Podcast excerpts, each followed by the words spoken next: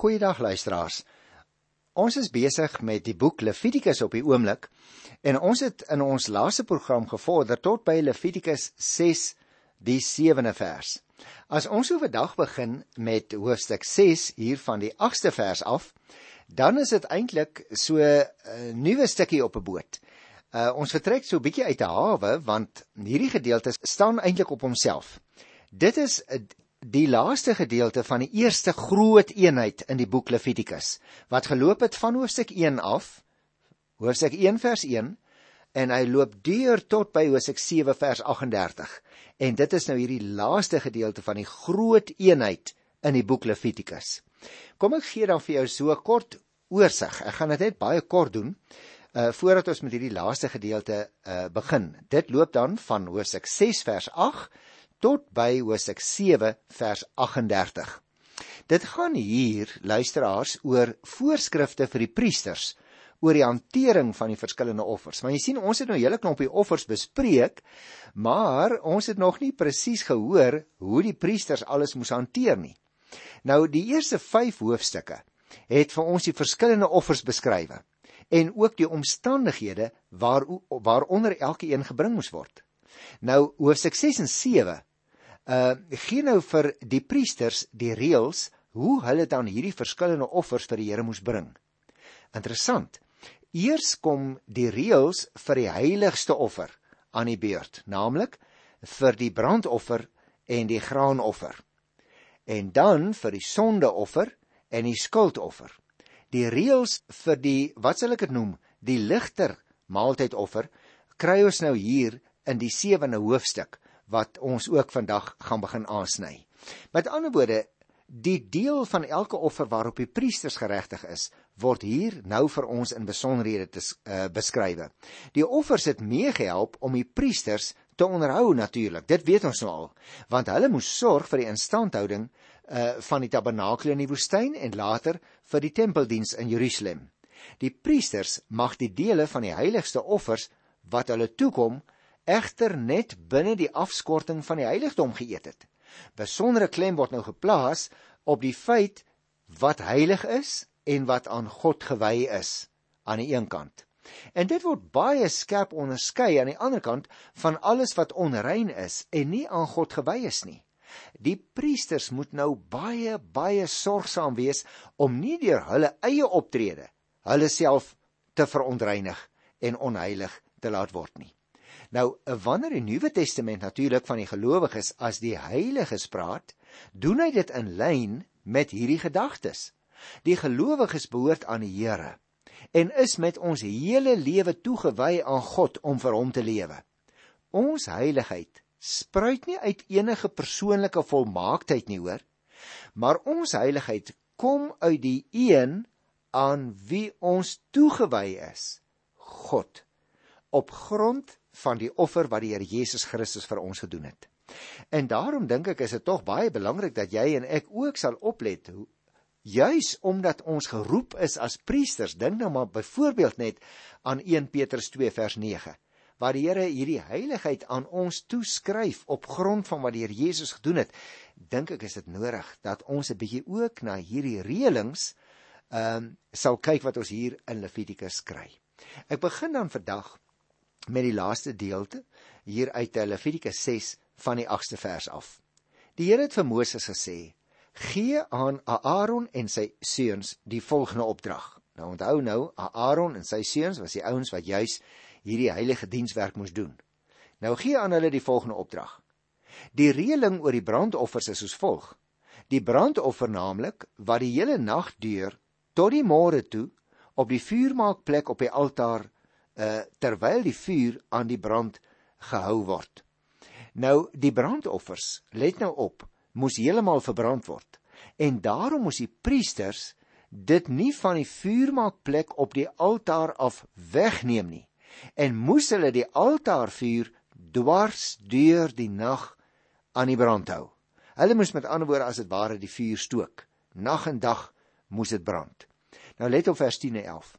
Die priester trek sy linnekleed en linnebroek aan en tel die vet op wat uitgebraai het toe die vuur die brandoffer op die altaar verteer het en sit dit langs die altaar. Hy trek sy klere uit, trek ander klere aan en bring die vet buite die kamp na 'n rein plek toe.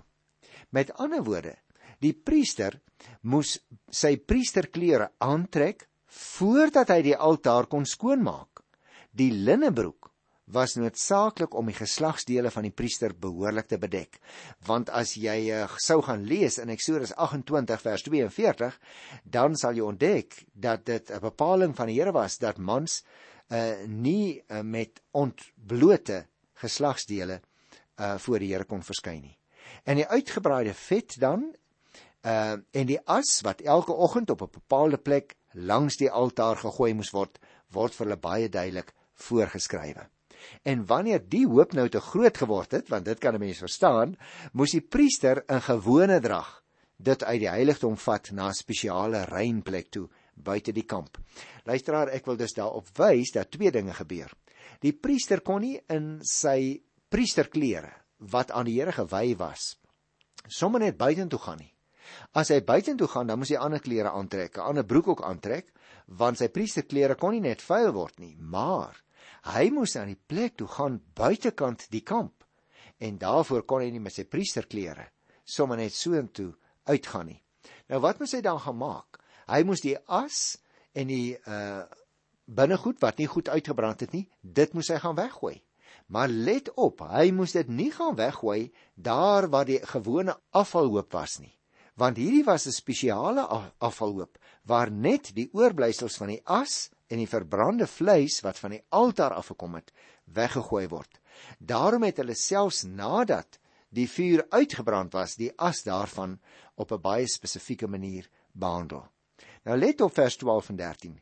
Die vuur op die altaar word aan die brand gehou. Dit mag nie doodgaan nie. Die priester pak elke môre hout op die vuur, lê die brandoffer daarop en verbrand op die altaar die vet van die maaltydoffers. Die vuur moet aanhou brand op die altaar dit mag nie doodgaan nie. Die vuur, ek het net nou daarop gewys, is aan die brand gehou deurdat die gloeiende kole wat in die oggend oor was, gebruik is om die nuwe dag se offervuur aan die brand te steek.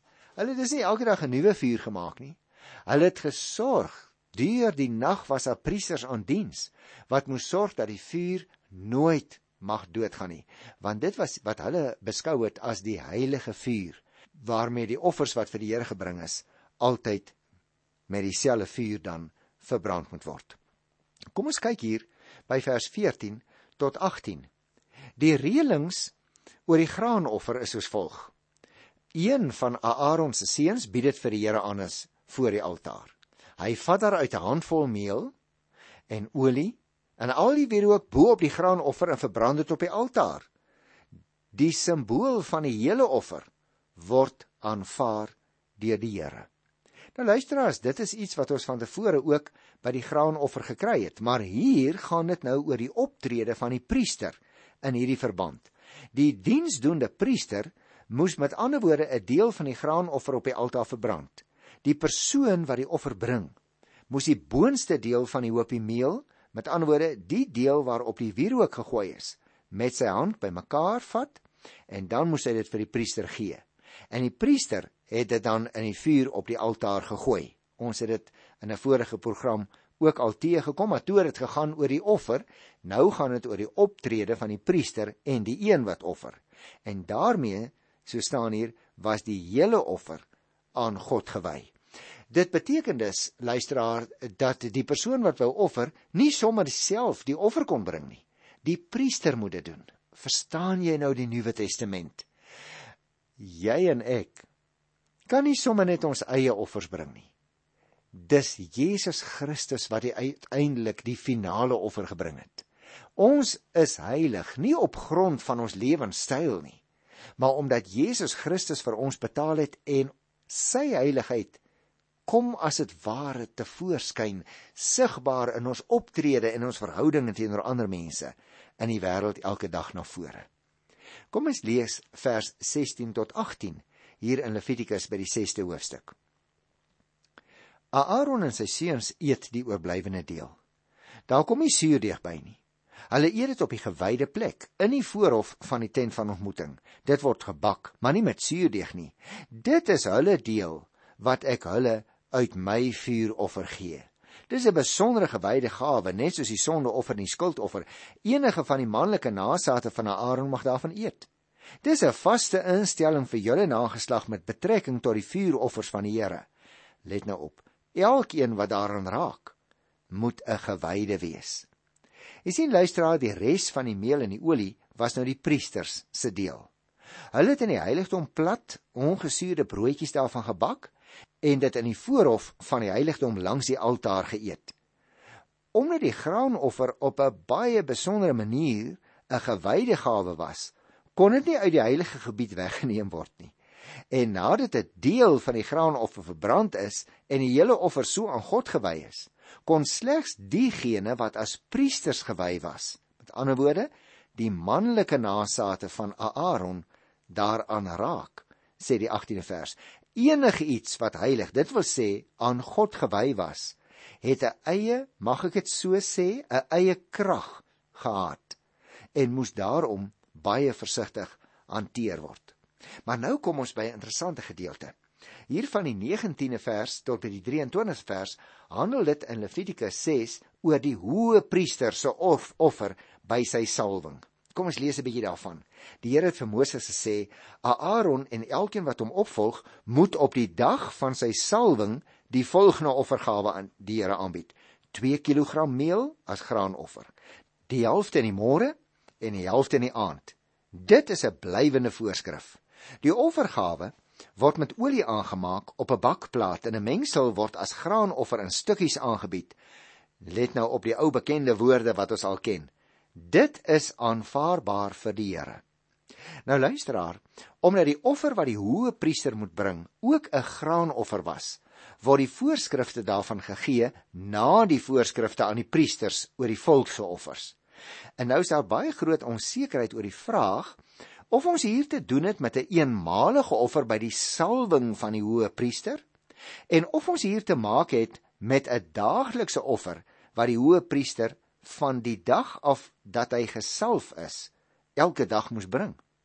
En hierdie laaste moontlikheid lyk nou die mees waarskynlike, aangesien die eenmalige graanoffer wat vir die priesterwyding bedoel is, anders voorberei is. Die woorde wat nou ook hier gebruik word, dit is 'n blywende voorskrif, dui vir ons juis daarop dat dit elke dag gebring moes word. Die hoë priester moes met ander woorde self hierdie offer bring die helfte in die môre en die res teen die aand of liewer om presies te wees teen laatmiddag. Dit weet ek omdat ons dit lees in 1 Konings daar by die 18de hoofstuk. Jy kan dit maar naslaan as jy wil. Maar luister nou die die res van hierdie bepaling by vers 22. Die gesalfde priester wat uit die seuns van Aaron in sy plek gekom het, doen dit. Dit is 'n vaste instelling vir die Here. Die offer word heeltemal verbrand. Elke graanoffer van die priester word heeltemal verbrand. Dit word nie geëet nie. En luisteraars, dis nou 'n nuwe uh voorskrif wat ons hier kry, want soos in die geval van die ander offers, kon priesters nooit hulle eie offers of offers wat namens hulle deur die hoë priester gebring is, eet nie.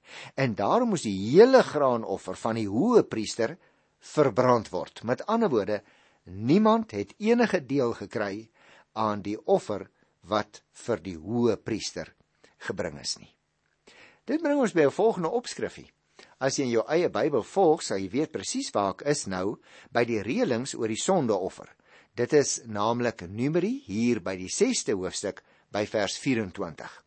Die Here het vir Moses gesê: "Sê vir Aaron en sy seuns, die reëling vir die sondeoffer is soos volg: Die sondeoffer word in die teenwoordigheid van die Here geslag op dieselfde plek as die brandoffer. Luister vers 26. Die priester wat die sondeoffer hanteer, eet dit. Hy eet dit op die gewyde plek in die voorhof van die tent van ontmoeting. Jy sien hierdie verse sê feitelik niks nuuts nie. Ons het dit al van tevore uh teëgekom, maar dit kom maar net weer daarop neer dat niks weggeneem mag word uit die heilige afgesonderde gedeelte van die tabernakel nie. Kyk nou vers 27 en dis 'n belangrike een, ek gaan bietjie by hom stil staan. Elkeen wat aan die vleis raak, moet 'n gewyde wees. As daar van die bloed op iemand se klere spat, moet die deel waarop die bloed gespat het in die gewyde plek gewas word.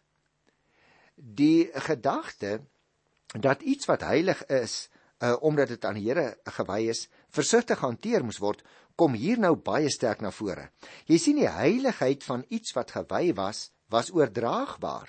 'n Druppel bloed byvoorbeeld wat met die slag van die offerdier op iemand se klere gespat het, het daardie deel van die kledingstuk heilig gemaak en om die heilige en onheilige uitmekaar te hou, moes die deel van die kledingstuk gewas word voordat die persoon wat dit dra die heilige gebied kon verlaat.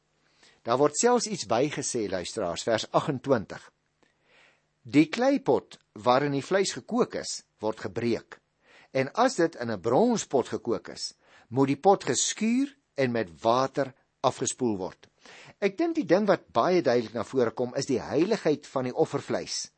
Ehm um, en en daar is geglo dit kon as dit ware die poreuse kleipot in daardie klein poree van die klein pot ehm uh, ingaan 'n bronspot aan die ander kant kon wel afgeskuur word en weer gebruik word. Vir die Israeliete was daar dus 'n radikale verskil tussen die heilige en die onheilige. En daarom moes dit so nou geset geskei word en uitmekaar gehou word. Ek wil ook nou vers 29 en 30 lees. Enige manlike persoon onder die priesters eet van die sondeoffer. Dit is 'n besondere gewyde gawe. 'n sondeoffer waarvan bloed in die tent van die ontmoeting gebring word om daarmee in die heiligdom verzoening te doen, word egter nie geëet nie. Dit word verbrand. Jy sien luisteraar, die offerdiere wat vir die sonde van die priester bedoel was, is buite die heilige gebied geslag. En die bloed, net die bloed, is gebruik om die heilige deel van die tabernakel te reinig. En hierdie sondeoffer vir die priesters was nie wat gewoonlik genoem is 'n besondere gewyde gawe nie en daarom is dit buite die heiligdom verbrand. Daar is heeltemal daarvan ontslaag geraak. En dit bring ons dan by die sewende hoofstuk wat natuurlik nou nog steeds deel is van hierdie laaste eh, gedeelte wat al daar begin het by Hosea 6 vers 8 waar die voorskrifte vir die priesters oor die hantering van die verskillende offers begin het. Nou luister, hier kry hulle nou reëlings oor die hantering van die skuldoffer. Die skuldoffer is 'n besondere gewyde gawe.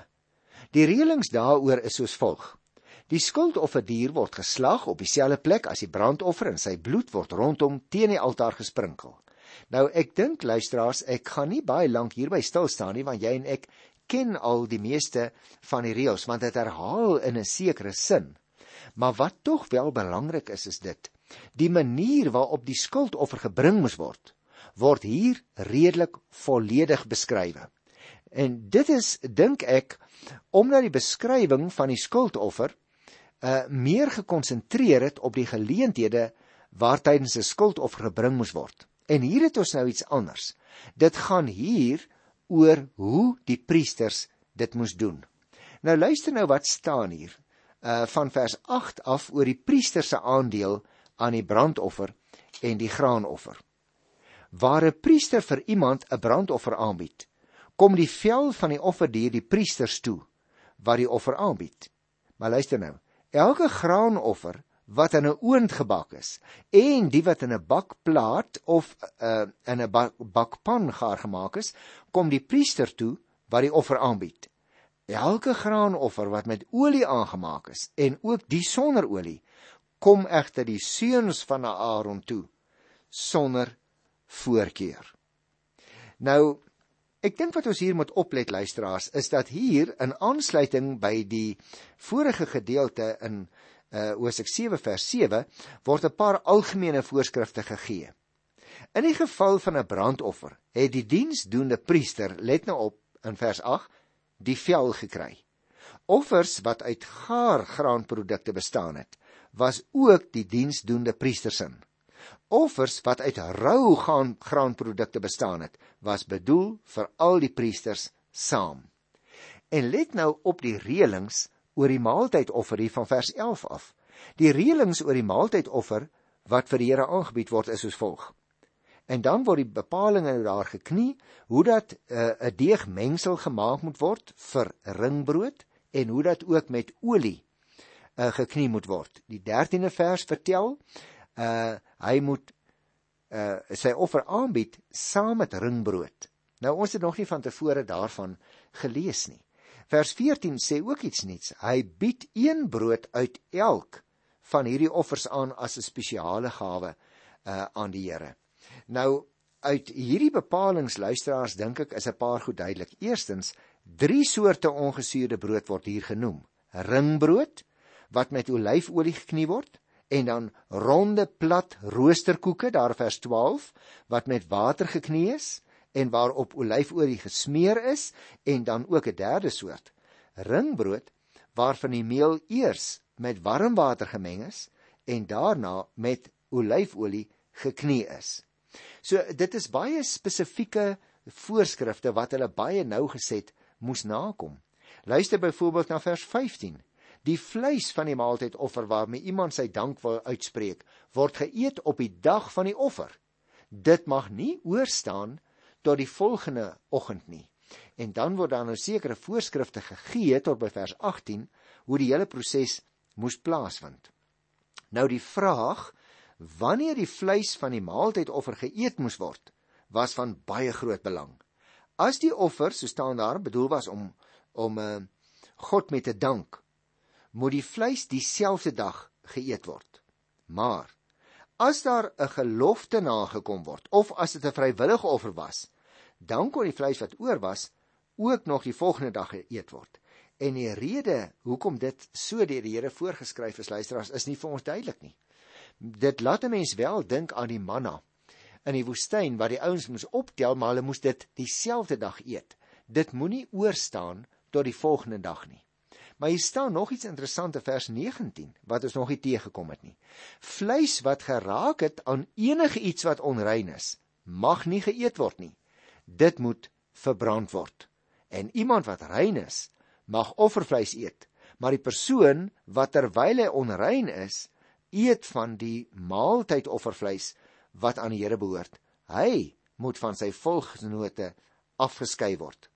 En hier het ons nou 'n baie belangrike bewys hoe heilig mense en dinge wat aan die Here toegewy was beskou is in daardie tyd. En daarom as iemand hom nie aan daardie bepaling sou steun nie, dan moes hy selfs van sy volksgenote afgeskei word en mag hy nooit weer deel geword het van die gemeenskap van die gelowiges nie. Vir ons as Nuwe Testamentiese gelowiges broers en susters, het ons die wonderlike vaste wete dat dit wat die Here Jesus vir ons verdoen het en wat vir ons deel gemaak het van die nuwe gemeenskap van Christus gelowiges, daardie vrymaking van die Here geld ons lewe lewe lank vir ons. Dit is 'n baie wonderlike verskil hier. Ek wil ook net graag uh ten slotte voordat ons uh klaar is vir vandag wys op die uh uitspraak in vers 28. Die Here het vir Moses gesê: "Sê vir die Israeliete: Wanneer iemand vir die Here 'n maaltydoffer aanbied, moet hy self uit sy maaltydoffer 'n offer aan die Here bring." En is baie interessant dat dit hier staan. Want luisteraars, dit sê net weer vir ons die voorskrifte oor die priesters se aandeel in bepaalde offers. In hierdie geval is die maaltydoffers, omdat die maaltydoffers in die eerste plek bedoel was as 'n maaltyd vir die een wat die offer bring en vir sy gesin, was die priesters se porsie betreklik klein. Want hier het ons 'n vorige keer al gelees, gaan dit oor dankbaarheid teenoor die Here en dit het elke keer in die offers na vore gekom. 'n Mens kry dit as jy die laaste paar versies uh, van Hosea 7 lees, weer eens uh, onder die oog hier staan. Ek lees by 35. Dit is die aandeel van Aaron en sy seuns aan die vuuroffers van die Here. Van die dag af dat hulle as priesters vir die Here gewy is, die dag toe hulle gesalf is, het die Here beveel dat hulle die gawes van die Israeliete moet ontvang. Dit is 'n vaste instelling ook vir hulle nageslag. En daarom kan jy baie goed verstaan tussen hakies luisteraar dat uh, ook nadat die woestyn tog lank al verby was en Salomo uiteindelik die tempel gebou het uh, in Jerusalem daarop sien ons berg dat hierdie bepalinge net so voortgegaan het vir die Aaronitiese priesters wat as leviete in die tempel moes diens doen. Luister net na die laaste twee versies. Dit is dan die reëlings vir die brandoffer, die graanoffer, die sondeoffer, die skuldoffer, die offers by die priesterwyding en die maaltydoffers. So het die Here aan Moses opdrag gegee by Sinaï berg in die Sinaï woestyn, die dag toe hy die Israeliete beveel het om vir hom offers te bring. Wie het die offers ingestel? Die Here. Hoekom het hy dit ingestel? Sodat hulle iets van sy heiligheid moes belewe. Hoekom moes hulle van hulle kant soms offers bring? Om uit dankbaarheid vir wat God vir hulle gedoen het, voor hom te kom staan in aanbidding. En daarom kry ons die hele gedagte van hulle moes ook hulle sonde bely alreeds by sommige van hierdie offers. Luisteraar, is jy nie dalk een van die ouens soos ek self wat vandag in ootmoed voor die Here moet kniel in belydenis van so baie dinge? wat ek opgebou het tussen my en hom. Maar die wonderlike nuus van die evangelie, as jy dit doen, verkondig ek aan jou op grond van hierdie wonderlike boek wat ek hier voor die mikrofoon in my hand hou, vryspraak van al jou sonde op grond van wat Jesus Christus vir jou persoonlik gedoen het. Tot volgende keer groet ek jou in sy wonderlike wonderlike naam. Tot dan. Totsiens.